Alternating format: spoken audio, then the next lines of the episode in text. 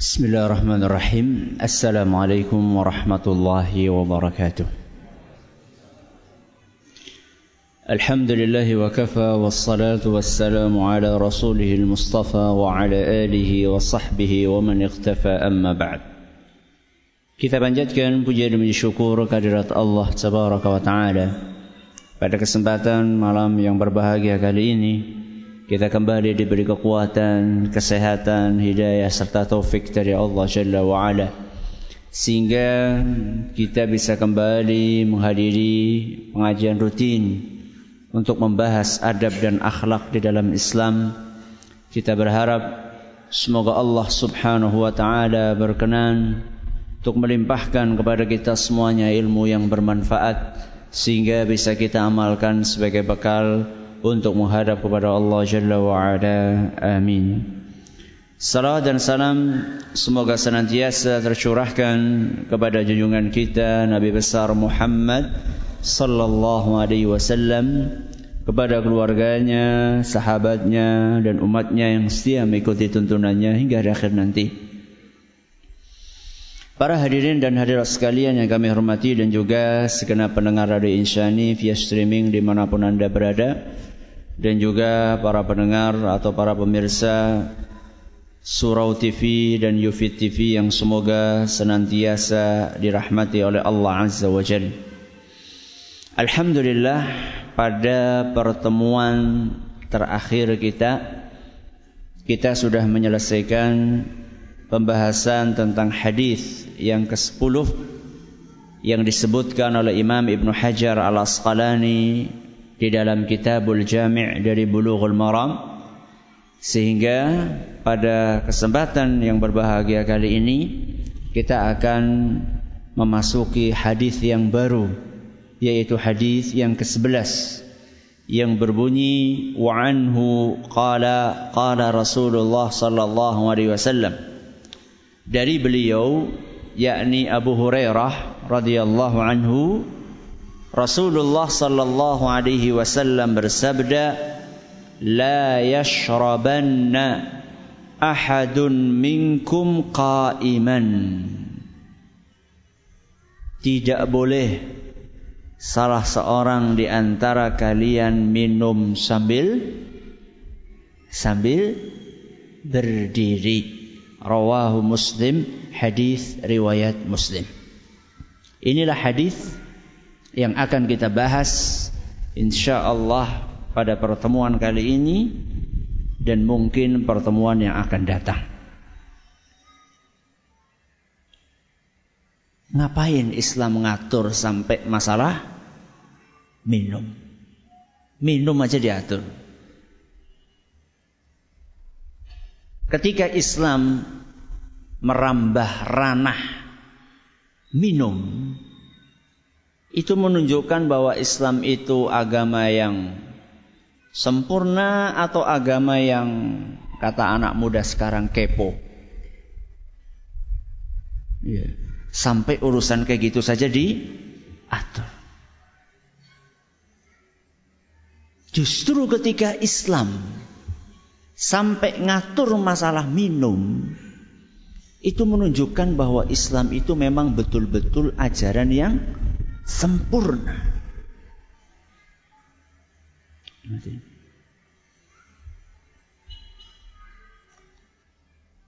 Manusia itu terdiri dari dua bagian. Jasmani dan rohani. Dan dua bagian manusia ini semuanya mendapatkan perhatian yang proporsional di dalam agama kita. Islam bukan agama yang cuma memperhatikan jasmani dan mengabaikan rohani. Juga bukan agama yang cuma memperhatikan rohani kemudian mengabaikan jasmani. ibarat roda yang berputar. Kadang di atas, kadang di bawah. Jasmani dan rohani pun mengalami siklus tersebut. Kadang sehat, kadang sakit. Kadang senang, kadang susah. Kadang mendapat nikmat, kadang diuji dengan musibah dari Allah Azza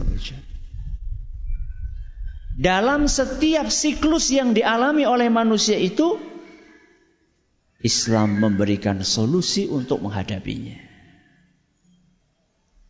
Makanya, kalau kita pengen sehat jasmani rohani, sebenarnya nggak mahal. Pengen sehat jasmani rohani nggak mahal.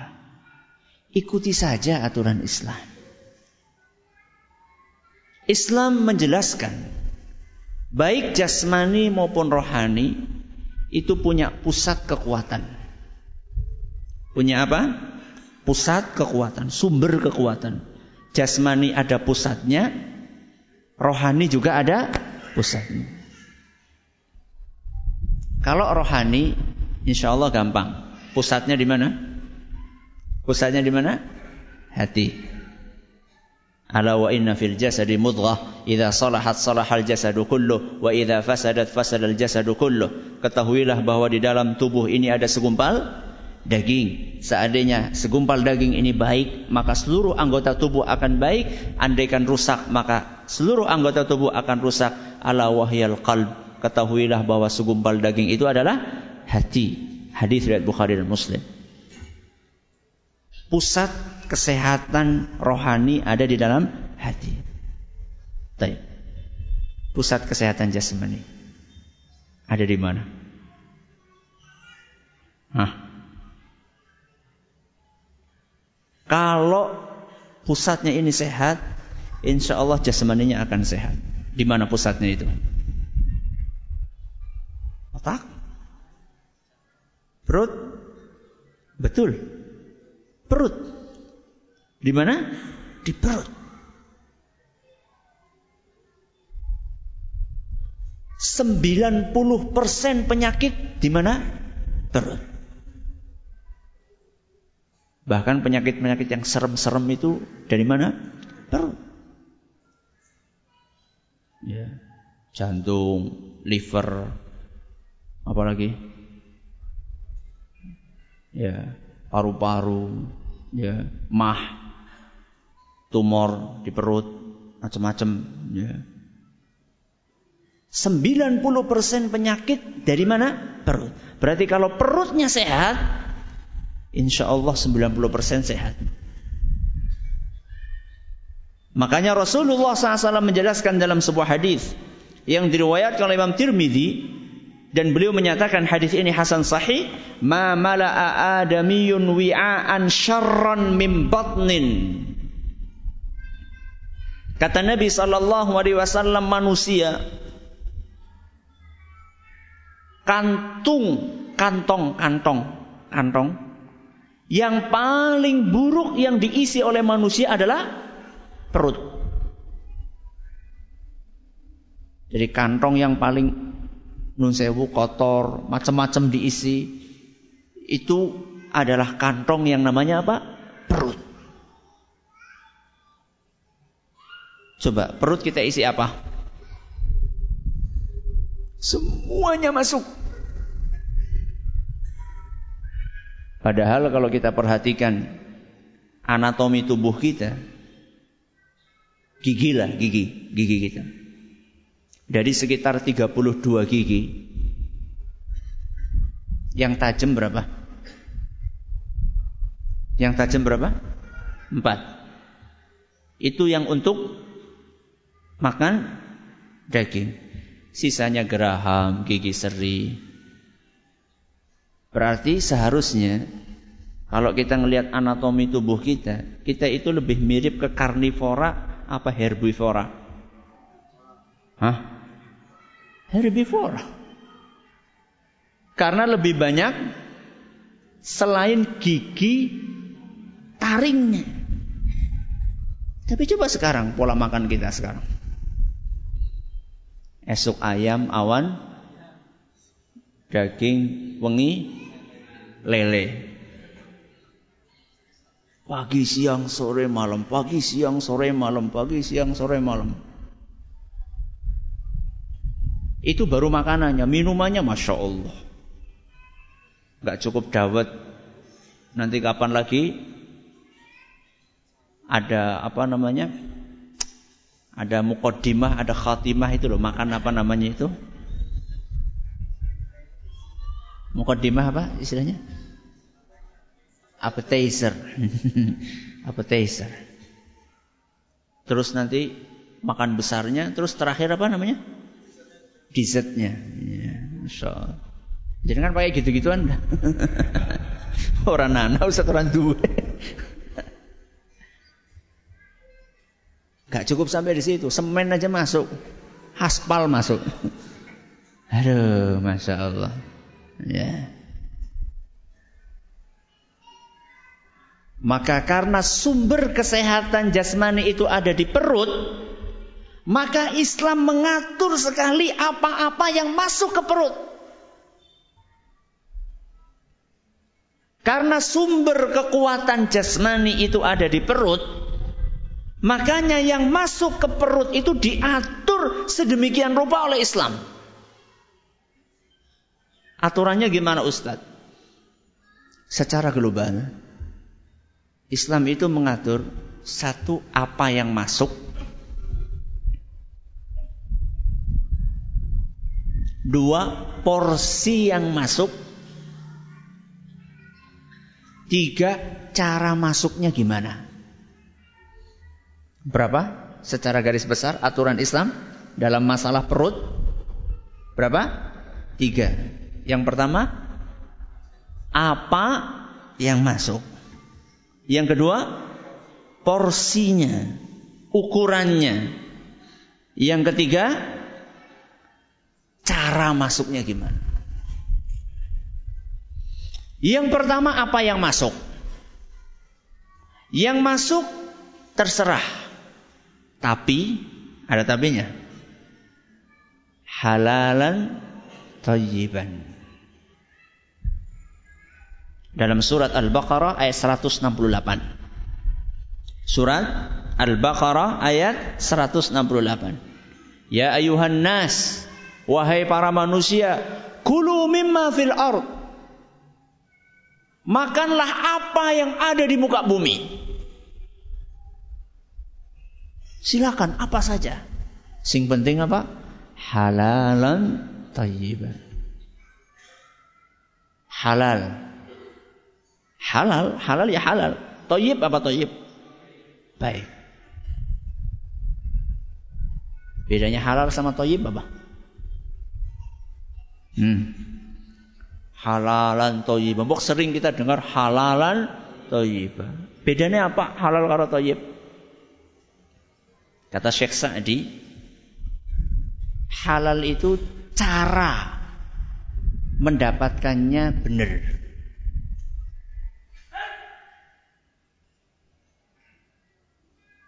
itu halal. Wedang kopi bisa jadi haram nggak? Wedang kopi? Masa?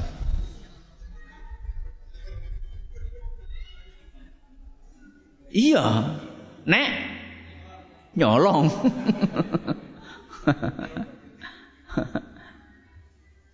Cukup kopi neng warung ora bayar. Ngutang ya. Bayarnya kapan? Embuh. Gue halal gue. Walaupun aslinya halal. Tapi berhubung cara mendapatkannya nggak benar, jadi haram.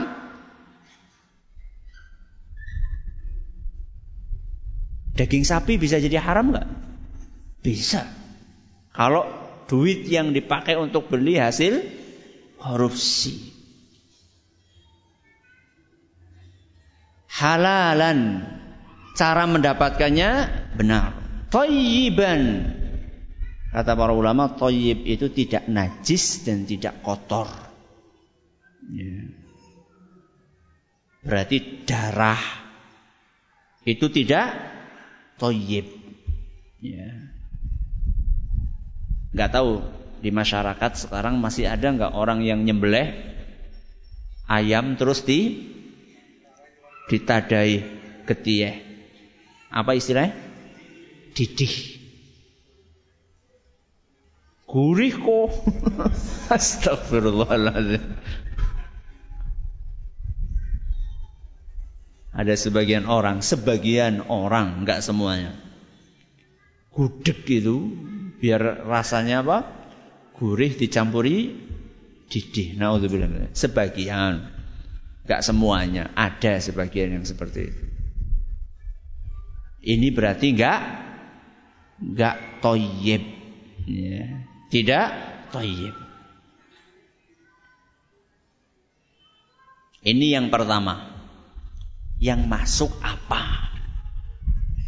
Yang masuk adalah halalan thayyibah. Terus yang kedua apa tadi? Porsinya. Gak cukup hanya sekedar apa yang masuk. Loh, segala ceding ya halal. Gak cukup hanya sekedar halalan thayyibah apa yang masuk, tapi porsinya diatur dalam agama kita. Bagaimana aturannya? Dalam hadis yang diriwayatkan oleh Imam Tirmidzi. Dan beliau menyatakan hadis ini hasan sahih. Nabi kita sallallahu alaihi wasallam bersabda bihas bibni Adam ukulatun yuqimna sulbahu anak Adam itu sebenarnya cukup beberapa suap. Cukup makan beberapa suap. Beberapa suap. Ustaz Nyong ya beberapa suap patang puluh. Bukan beberapa itu namanya. Itu puluhan suap namanya. Cukup beberapa suap. Yang penting kata Nabi SAW yuqimna sulbahu. Sing penting marakakan gegere kuwi jejeg. Membuat punggungnya itu bisa tegak. Jadi wong Islam kuwi sing tegak. Aja kelemar, kelemer. Ya.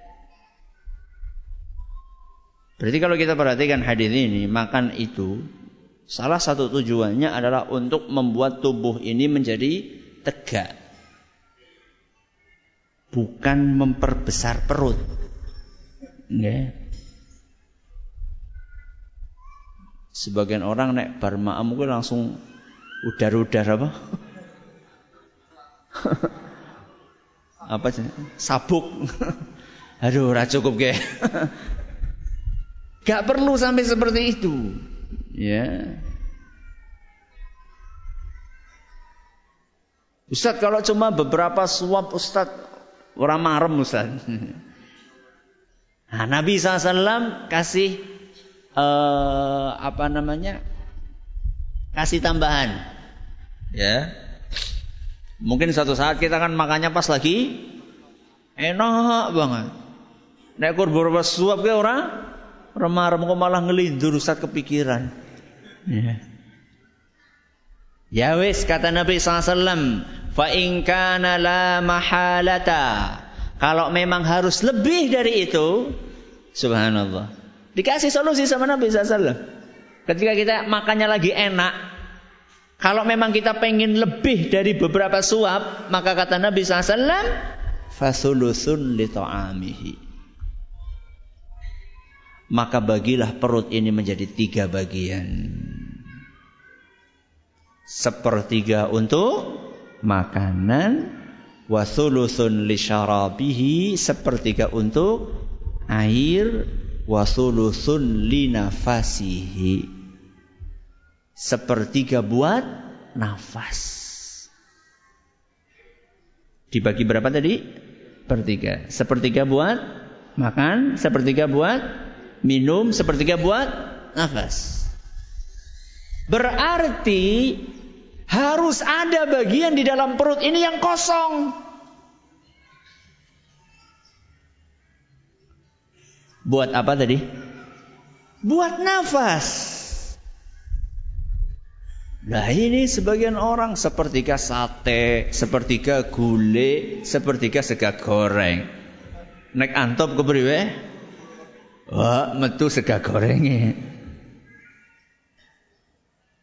Ustaz ngukurnya sih gimana? Ustaz masa datakan meng rumah makan datakan gawa apa? Gawa penggaris, arep mangan datakan tiga garis.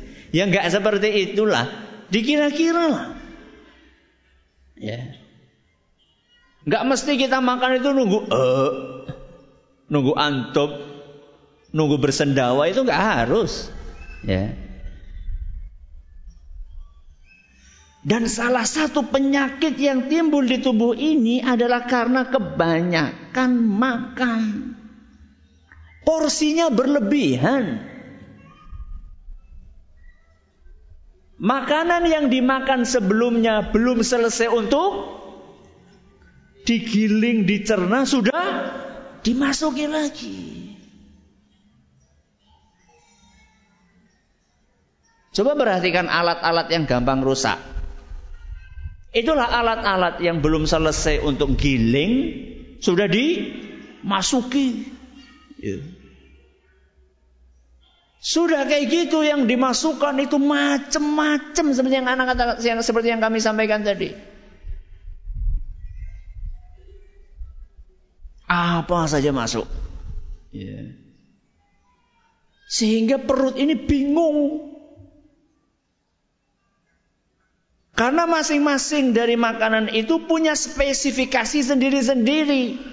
Ini yang diambil apanya, ini yang diambil apanya, ini yang diambil apanya. Bingung perut ini. Makanya kalau pakar kesehatan mereka mengatakan kalau bisa perut itu ketika akan makan dipersiapkan terlebih dahulu dikasih pelumas. Apa pelumas ya? Mombedisit. Kalau kita kan kebalik. Habis makan, minum. Kebalik. Seharusnya minum dulu baru makan. Karena perut kita ini kayak mesin. Mesin itu butuh pelumas. Biar gilingnya itu enak, nyaman, kasih air dulu. Ya. Yeah. Yang memperhatikan itu molen apa buat buat apa namanya? Buat ngecor itu kan dikasih air dulu. Air dulu baru kemudian uh, apa namanya? Pasir kemudian semen kemudian kan air dulu. Ya. supaya enak gilingnya. Ustaz kalau minum dulu ya warek disit Ustaz. Kenyang dulu. Ya dikasih jarak Makanya para ada sebuah buku judulnya The Power of Enzyme kalau nggak salah. Uh, Hiroshi Shinyoku atau siapa namanya itu dokter dari Jepang. Saya kebetulan setelah sakit itu mengkonsumsi buku-buku seperti itu gitu. setelah sakit itu jadi jadi mulai perhatian buku-buku kesehatan gitu. Dia menyebutkan bahwa minim paling tidak ya setengah jam lah. Setengah jam sebelum makan. Sudah minum. Jadi kalau jenengan makannya itu ba'da zuhur, sebelum zuhur sudah minum. Kalau makannya jam 7 habis bangun tidur langsung apa? Minum. Makannya habis isya sebelum maghrib sudah minum. Baru kemudian makan. Dan bahkan ada sebagian uh, pakar kesehatan, kalau nggak salah Imam Ibnu Qayyim al-Jauziyah rahimahullah, seorang ulama juga mengatakan juga kalau bisa jangan langsung mak kalaupun mau makan ya jangan langsung makan berat. Makan yang ringan-ringan dan gampang dicerna dulu. Apa? Buah. Lah, kualik maning, boh.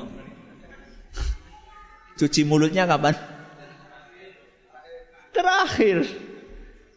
Padahal idealnya justru makan buah dulu. Yang mudah dicerna dulu. Perhatikan baik-baik. Nabi SAW kalau buka puasa pakai apa? Kurma.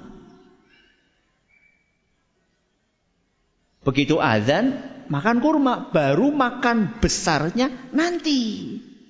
Kalau kita kan enggak. Begitu tong tong tong tong tong, jel. Langsung apa? Buh. Balas dendam kok. Sedina orang bisa mangan. Langsung blab blab blab blab blab blab. Sakit perutnya. Makanya kata sebagian uh, dokter itu tingkat penyakit perut itu di bulan Ramadan meningkat. Bukan salah puasanya, bukan. Enggak, puasanya enggak salah. Salah apa nih? Balas dendam itu lho sing salah. Ya. Ini bicara tentang porsi. Yang pertama, apa yang masuk? Yang kedua, porsi yang masuk. Yang ketiga, cara masuknya bagaimana? Itulah yang namanya adab makan dan minum. Ya. Macam-macam adabnya. Satu misalnya kita disuruh untuk sebelum makan jangan lupa baca bismillah. Itu aturan cara. Ya. Rasulullah SAW bersabda, "Idza dakhala ar-rajulu baitahu fadzakara Allah 'inda dukhulihi wa 'inda ta'amihi." Apabila seorang manusia masuk ke rumahnya dan ketika masuk dia membaca bismillah dan sebelum makan dia juga baca bismillah, qala syaitan syaitan akan berkata kepada teman-temannya la mabita lakum wala asya kalian tidak akan bisa nginep di rumah ini dan tidak akan bisa dompleng makan di sini. Kalau masuk rumah baca apa? Bismillah. Setan nggak ikut masuk. Sebelum makan baca bismillah, setan nggak ikut makan. Wa idza dakhala falam yadhkurillaha 'inda dukhulihi. Kalau masuk rumah kok nggak baca bismillah, qala syaitan adraktumul mabit. Setan akan berkata kepada teman-temannya, Al eh orang alhamdulillah ding. Bisa nginep di rumah ini. Penginapan gratis.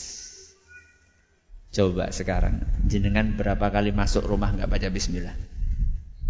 Ah, berapa kali? Berkali-kali. Berarti setan wis akeh nang gue. Ya. Masuk rumah nggak baca bismillah. Bleng setannya melebu. Sore masuk lagi, siang masuk lagi. Ustaz, ya Allah. Umurku swidak tahun, Ustaz. Swidak tahun aku melebu umar atau maca bismillah. Waduh, embung gue setannya bira gue nang omah. Terus kepriwe Ustaz? Terus gimana Ustaz? Baca Al-Quran di rumah. Baca apa? Al-Quran. Mudah-mudahan setannya enggak enggak betah. Itu kalau misalnya masuk rumah enggak baca bismillah. Wa idza lam yadhkurillaha 'inda ta'amihi. Kalau mau makan dia enggak baca bismillah, qala adraktumul mabita wal 'asha. Maka setan akan berkata kepada teman-temannya, kalian bisa ikut nimbrung makan dan nginep di rumah ini. Hadis riwayat Muslim. Maka jangan kaget. Ada sebagian orang makan enggak kenyang-kenyang. Terus entong telung piring ya sih kencot. Itu kayaknya ada yang ada yang nimbrung. Ya. Satu, cara makan. Baca apa tadi? Bismillah. Dua, cara makan diajarkan oleh Nabi SAW. Pakai tangan kanan. Ya. Makan, minum pakai tangan kanan. Kelihatannya sepele. Gampang kelihatannya. Tapi kenyataan yang kita lihat banyak nggak orang minum makan pakai tangan kiri? Banyak.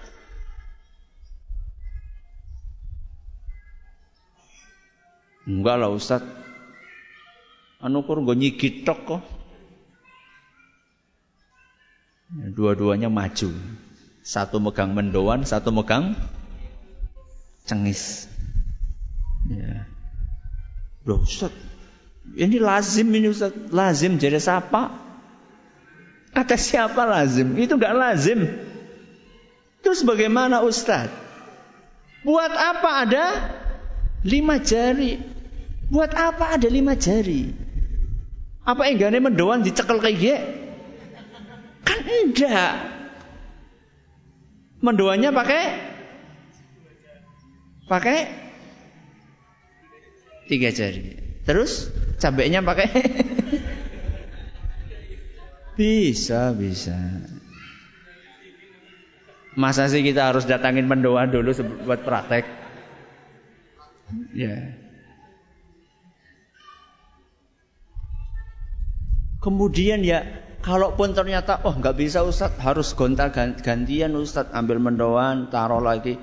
Toh kalaupun harus seperti itu, ya enggak apa-apa.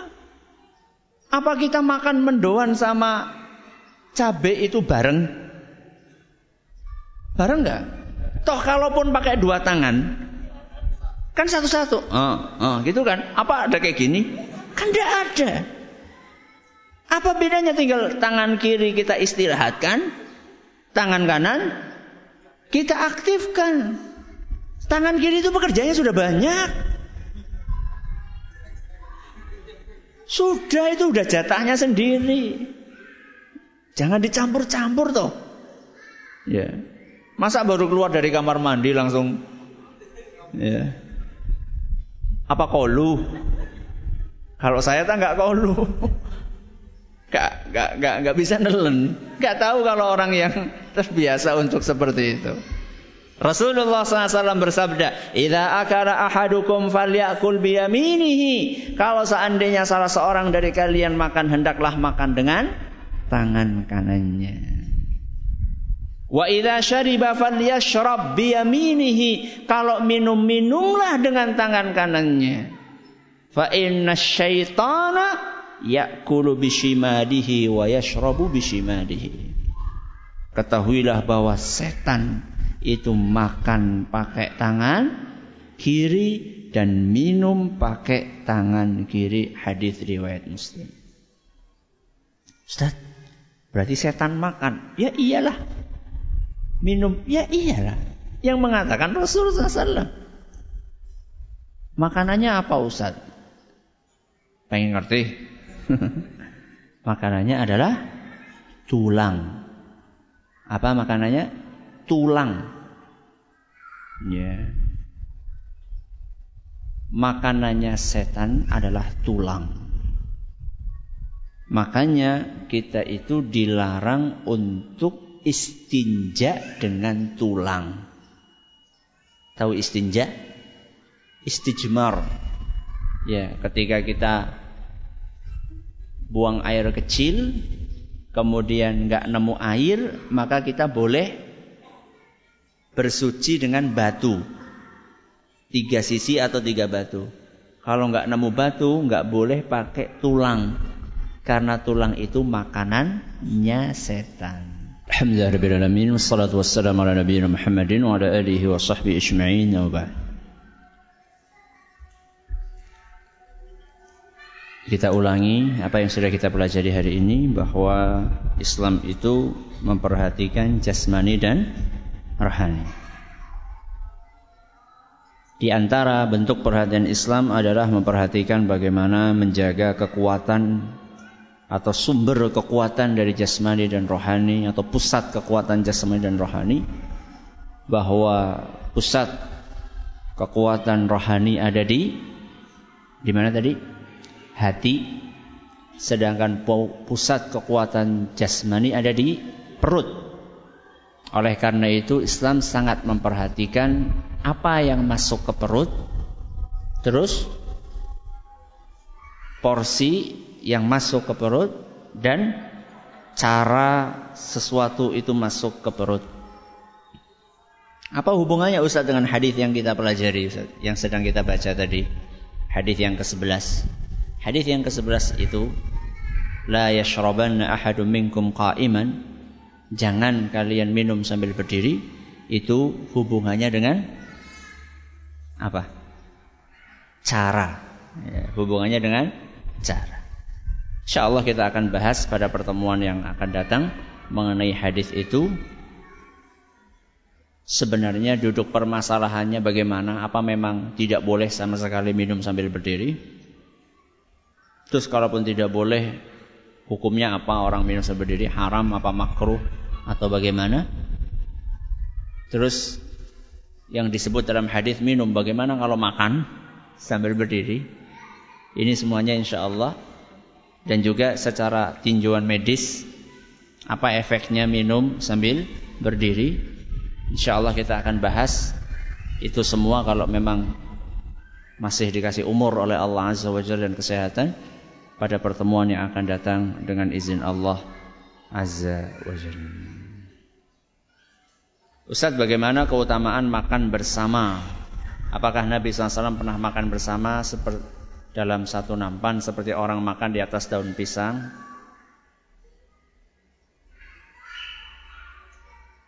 Atau tidak?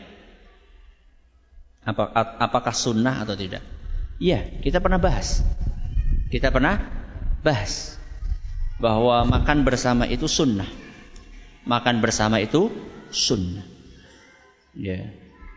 Pernah ada sahabat datang kepada Nabi SAW mengeluhkan kenapa kami makan enggak kenyang.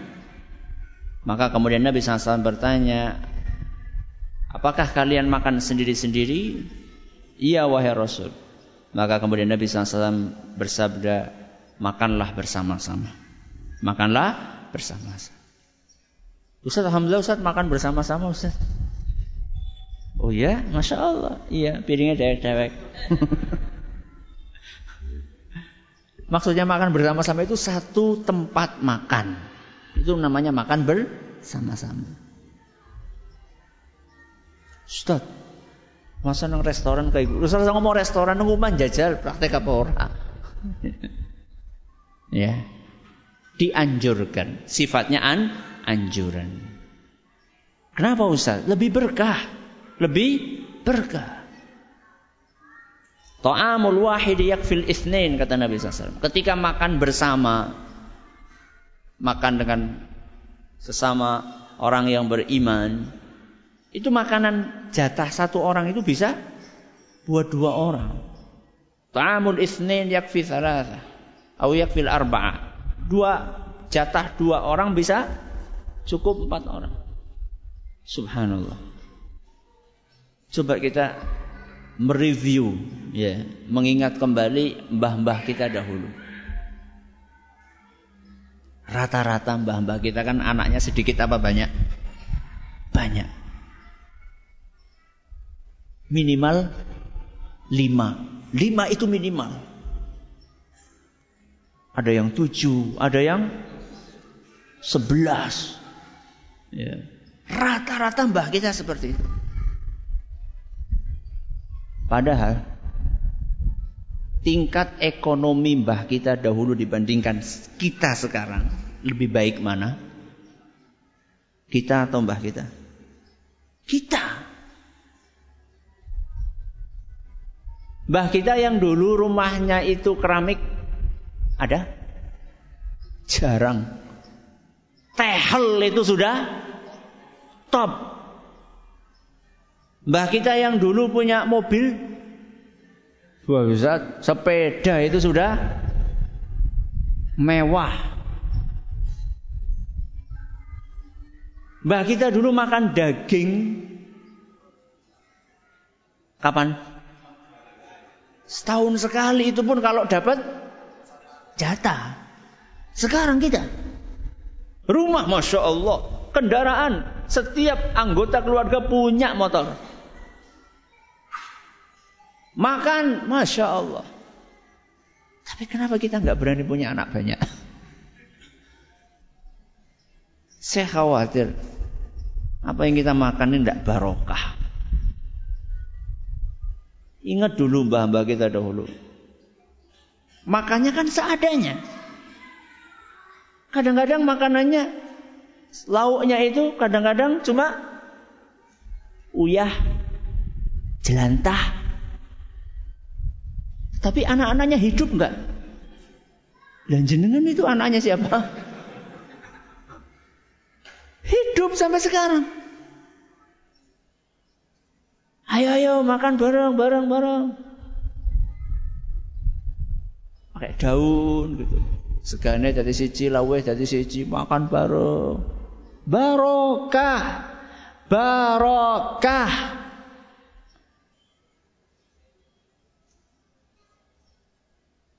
Nah, kita ini sekarang yang Insya Allah ya. Maka cobalah makan sama anak, sama istri ya. Ya nggak mesti harus tiap hari, syukur-syukur tiap hari. Nikmat, nikmat sekali. Saya sama anak-anak gitu, sama istri suka kayak gitu. Ya. Beli piring yang agak gede. Ya. Piring kecil kan apa? Butah-butah gitu loh. Piring yang agak gede atau kayak apa jenane? Nampan. Ya kayak baki itu. Makan bareng di situ nikmat masya Allah. Yang kemarin masing-masing satu piring satu piring satu piring satu piring. Begitu makan bareng. Dua piring ternyata cukup cukup. Ya buat satu keluarga barokah ya barokah itu agak sulit untuk diapakan untuk dilogikakan agak sulit memang barokah. Dan tidak segala sesuatu harus bisa dilogikakan. Ya. Banyak hal-hal yang tidak tertangkap oleh otak kita. Ya. Itu menunjukkan bahwa otak manusia itu memang terbatas. Itu saja sudah. Ada pertanyaan? Pengumuman. Ini ahad kedua. Berarti besok jadwalnya apa? Kajian sejarah kehidupan Nabi kita Muhammad sallallahu alaihi wasallam atau fikih sirah Nabi SAW di Masjid Agung Baitus Salam Purwokerto hari Ahad. Ahad tanggal berapa? Berapa? 14. 14. Ya, tanggal 14 Mei ya. Insyaallah jam setengah 10 jam setengah sepuluh insya Allah sampai selesai. Sekedar ini pengumuman yang bisa kami sampaikan. Insya Allah pertemuan kayaknya ya, kayaknya pertemuan besok ini kayaknya pertemuan terakhir kayaknya. Sebelum Ramadan kayaknya. Nanti kita akan sampaikan lagi kita umumkan insya Allah ini yang dapat kami sampaikan. Terima kasih atas perhatiannya. Mohon atas segala kurangannya. Kita tutup dengan membaca subhanakallahumma bihamdika asyhadu an la ilaha illa anta astaghfiruka wa atubu ilaik. Assalamualaikum warahmatullahi wabarakatuh